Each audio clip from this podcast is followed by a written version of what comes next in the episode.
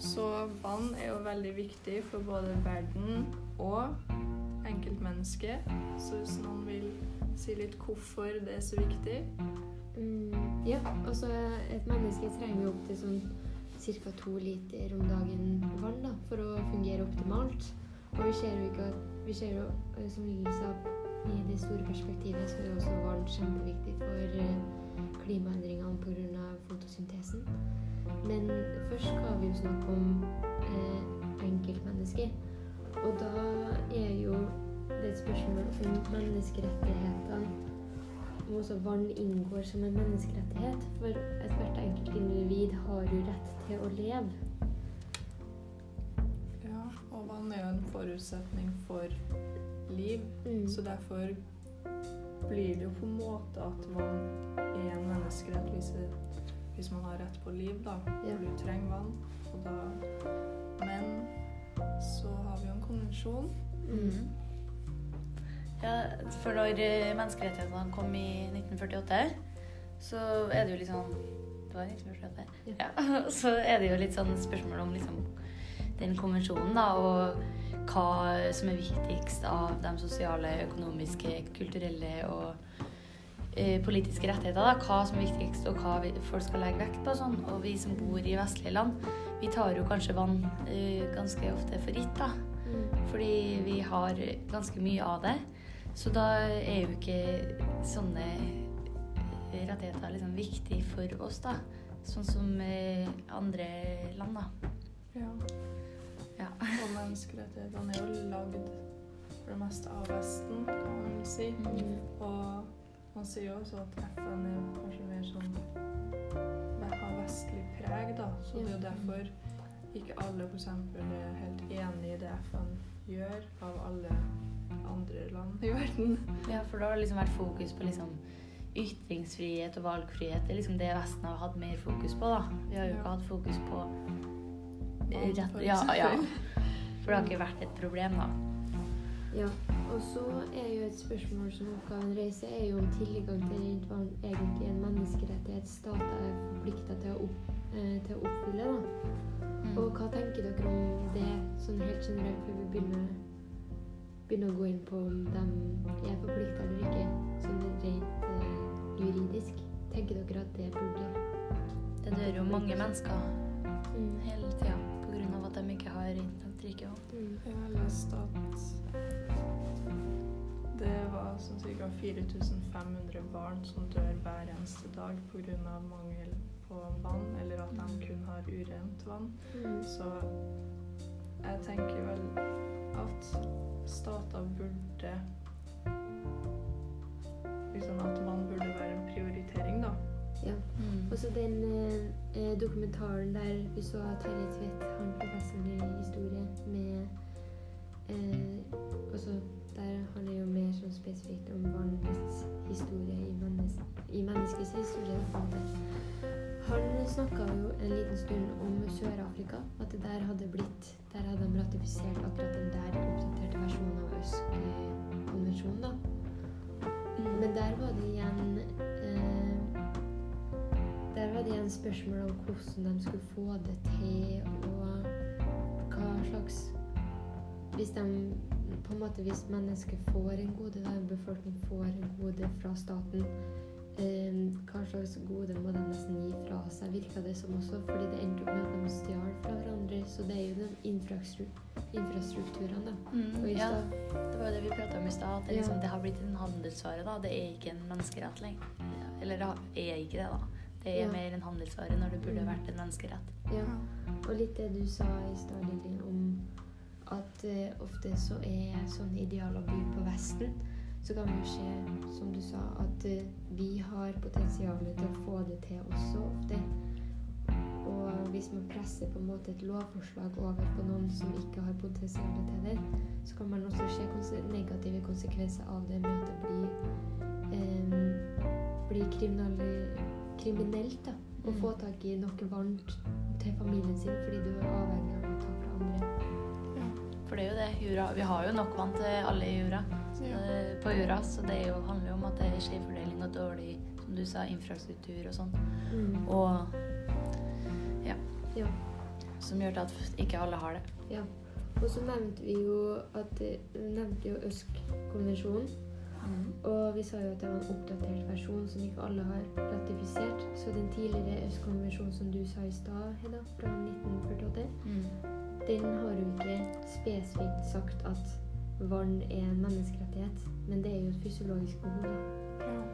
altså siden øh, ja, den retten til vann ikke er ratifisert, så blir det ikke et brudd. Mm. For så lenge ikke land har ratifisert den, da har de liksom ikke noe Er ikke pålagt på en måte til å gi alle befolkning, alle i befolkningen vann.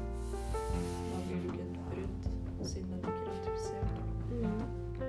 Og så kan vi jo snakke litt om eh, det vann som handelsvare, litt nøyere om det. Når vi fikk jo også som oppgave å se på hvor mange liter vann forskjellige produkter trenger. Ja. Og det her går litt på det vannfotavtrykket vårt, da, som er målet på hvor mye hver person bruker av vann. Mm. Og det kan man jo tenke seg når f.eks. når vi fant ut at en kaffekopp trenger For å produsere én kaffekopp så trengs det 132 liter vann. Og når man legger sammen alt det her, da, så blir det jo ekstremt mange liter egentlig vann man bruker i løpet av en dag. Ja. Ja. Og så blir det sånn at det, det virtuelle vannet, da eh, Altså man får på en måte At det blir en slags kamp om det vannet for produksjon og ikke for menneskene som jobber med produksjon. For gjerne så skjer produksjon i utviklingsland, ja. og ikke i de vestlige landene.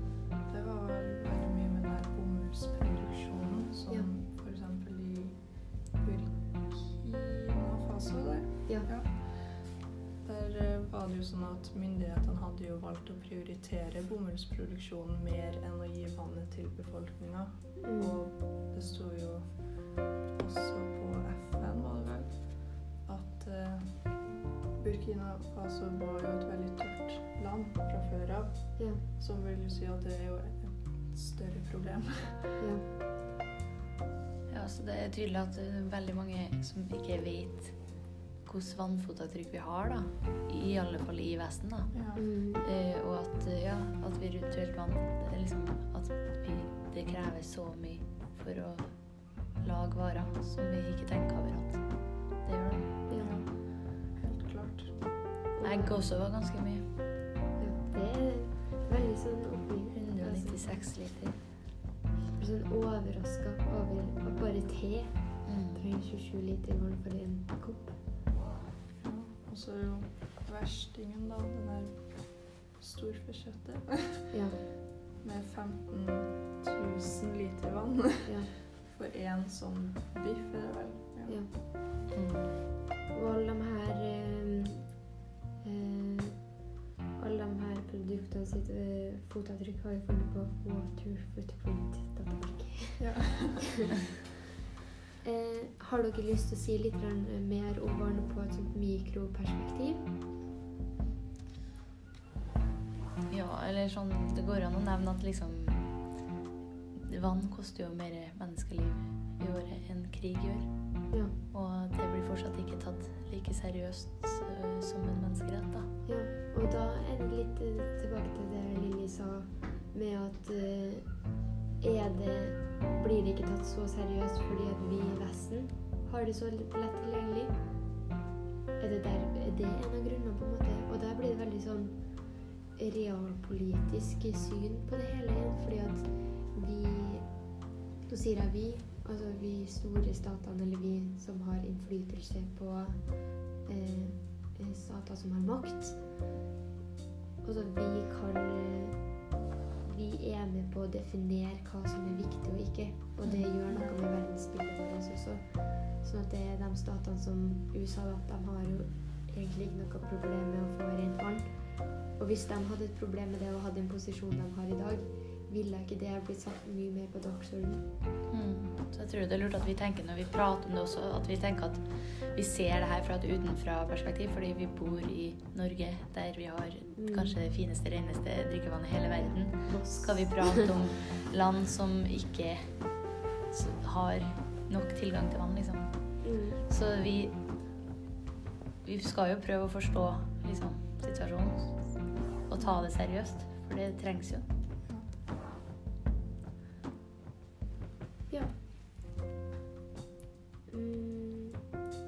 Lyst til å gå videre igjen til sånn eh, vann som kilde til konflikter mellom stater?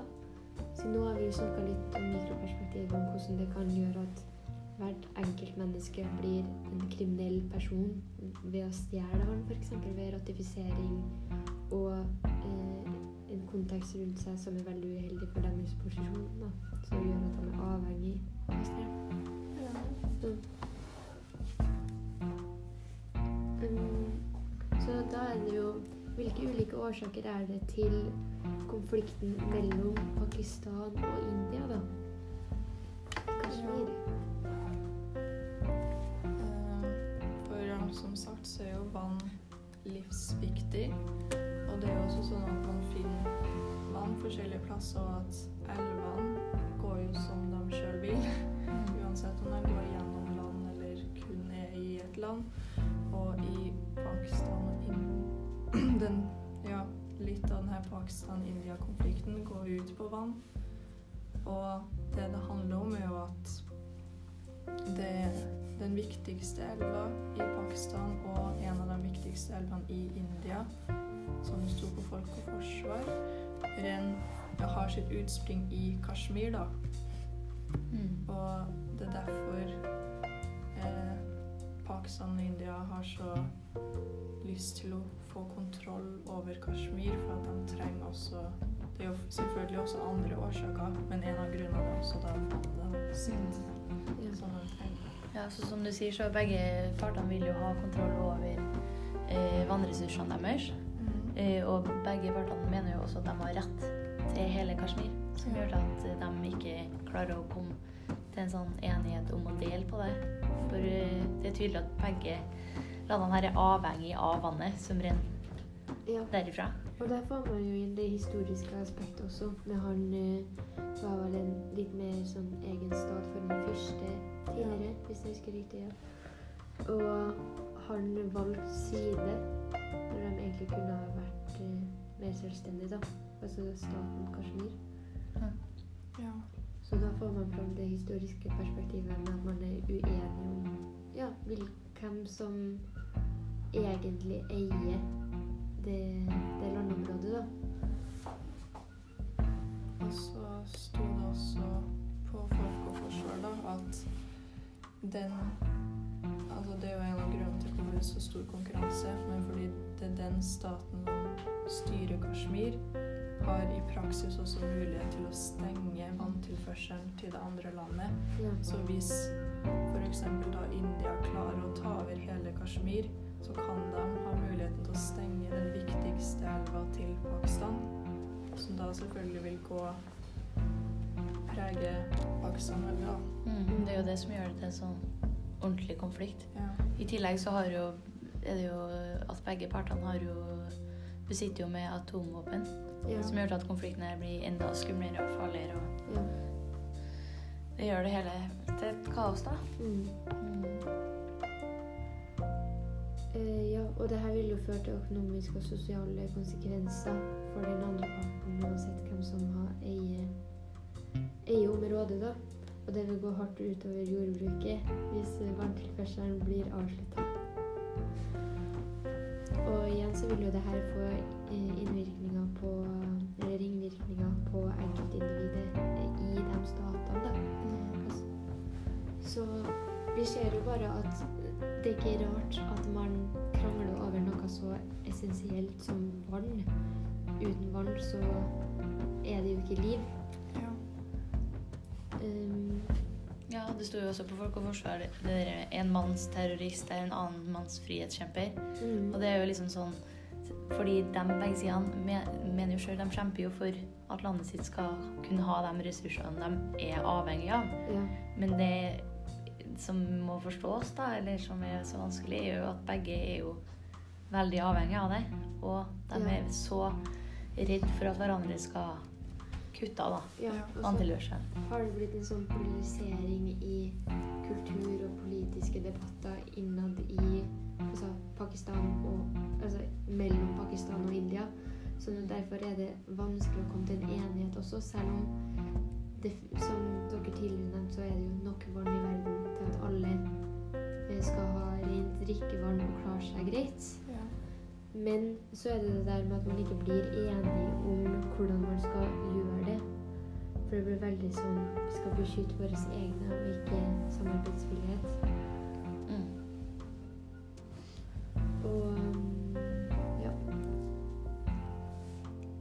Og så eh, blir jo det politiske og vel og kanskje i mer større grad det religiøse en viktig brikke i det her spillet, fordi at Eh, Befolkninga innad i Kashmir er jo også, eh, har jo også forskjellige religioner, hovedsakelig hinduister og eh, muslimer. Og muslimene vil jo til Pakistan, som er muslimenes land, eh, og vil høre til den delen. Og så Ja. vil jo hinduistene vil jo til India. Og så har vi dem som bare vil være en, En egen en selvstendig stat. Ja, så det er ikke bare at eh, landene, altså Pakistan og India, er uenige, men innad, altså befolkningen innad i Kashmir er jo også uenig. Um, og Men de har vært ganske tydelige på at sånn selvstyre ja, ikke er et alternativ, da. ja, Så det ja. Ja. Folk og Forsvar skriver jo at 95% av dem i India-delen av Kashmir er muslimer. og Mm. ønsker mer autonomi. Eh, særstatus for enkelte delstater eller religioner som ikke er suverent fra India. Da. Og i provinsen Jammu er omtrent 60% hinduer. Og, det er ikke like positiv, og de er ikke like positive til selvstyre, men vil heller ikke underlegge seg eh, pakistansk styre. Da. Og en deling av området kan være en løsning på Kashmirdalens på Kashmirdalen. Um, og da vil det bli en eh, pakistansk styre, og en og skal bli indisk igjen, da. Men igjen så det der er vanskelig med det eh, For helt i grunn, så helt grunnleggende, så er det de ressurs, ressursene i land, landområdene som påvirker konflikten i det hele. Det er ikke bare å dele på to og si at dere går dit, og dere går dit. Men det er jo verdiene i jorda. For det ser vi jo andre steder i verden òg, når det var kolonier og sånn, og hvordan de bare delte landegrenser sånn som de ønska. Ja. Og da, man ser jo at da har de jo delt ulike folkegrupper Mm. fra hverandre.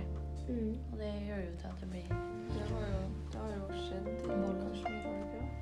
det er jo mange som venter på Det så vi på den der filmen, dokumentaren, at det var mange som venta på å komme seg over til den pakistanske, pakistanske delen, eller den indiske delen, for at de hadde blitt skilt fra familien sin. Det var veldig spesielt å se på den eh, dokumentaren akkurat i det øyeblikket der. Da, de, da soldatene eller militærtjente går og hilser på hverandre og Ja. smiler. Ja. Sånn. Og så er de, de er enige på, i et øyeblikk. Og så senere i dokumentaren så får vi vite om det hun lille jenta som har blitt skutt. Ja. Bare um, Vi kan jo bare sånn litt sånn til slutt her eh, også For vi har jo snakka en del om landene sånn India mot Pakistan, og at det er problematisk fordi at begge har atomvåpen, og ikke minst det helt grunnleggende begge må ha vann. Så vi kan jo snakke litt om det Folk og Forsvar også har sagt litt om internasjonal involvering. Mm. Hva tenker dere der?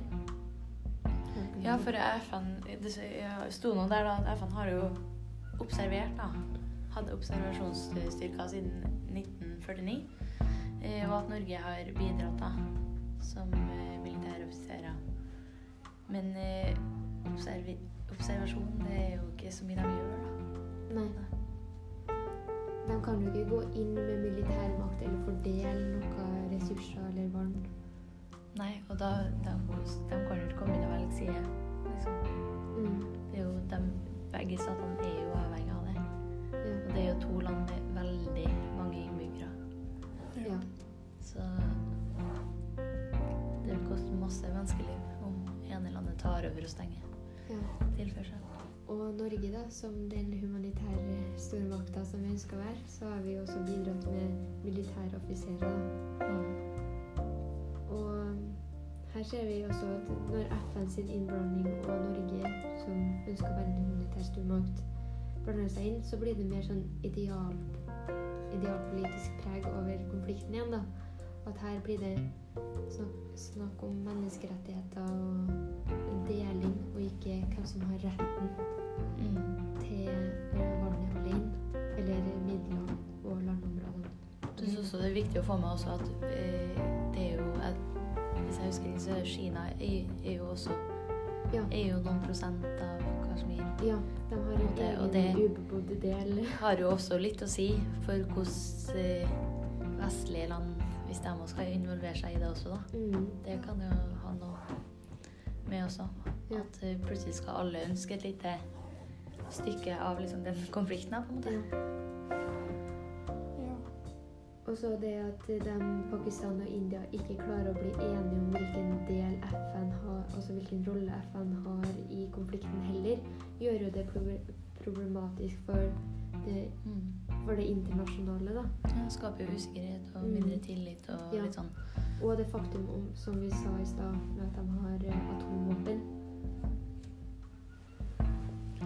Det gjør det mye.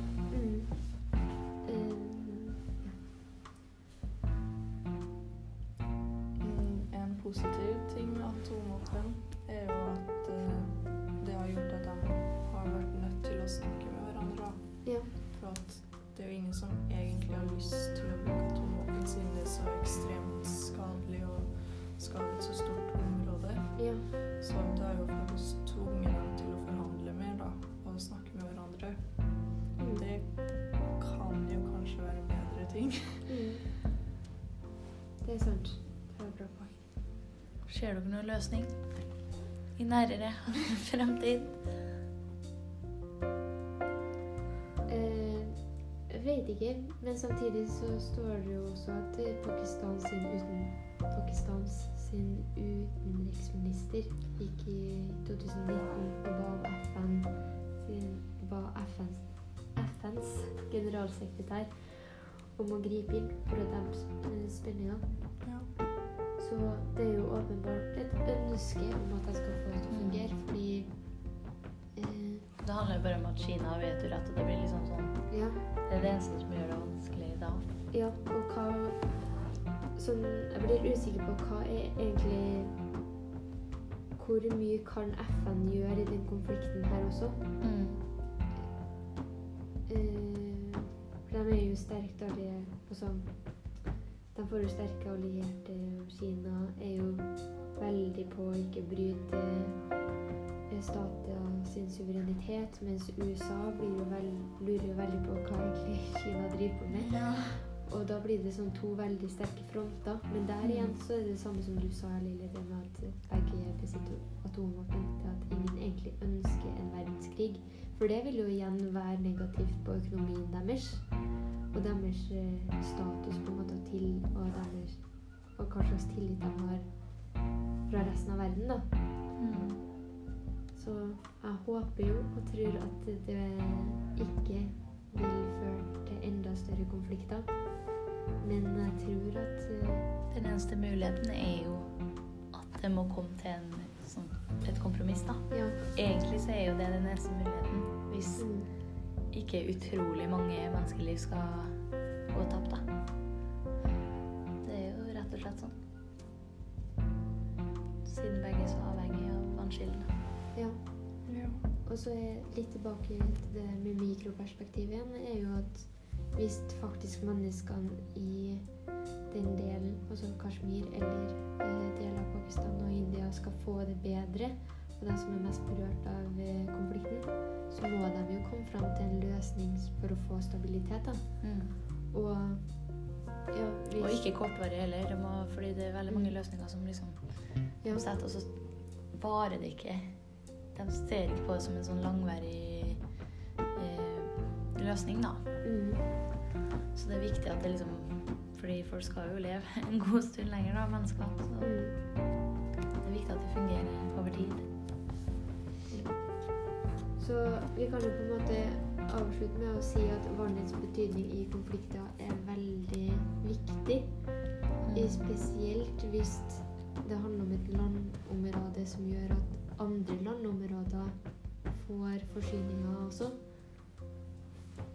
Um, og i Pakistan og India så har jo konflikten Konflikten blir jo veldig mer polarisert uten, uten et samarbeid, da, uten den eh, spillover-teorien med at man først starter et samarbeid, så kan det utvikle seg til ganske eh, gode relasjoner mellom land, som det gjorde i Tyskland og i, Jeg skulle ikke si Italia, men Frankrike.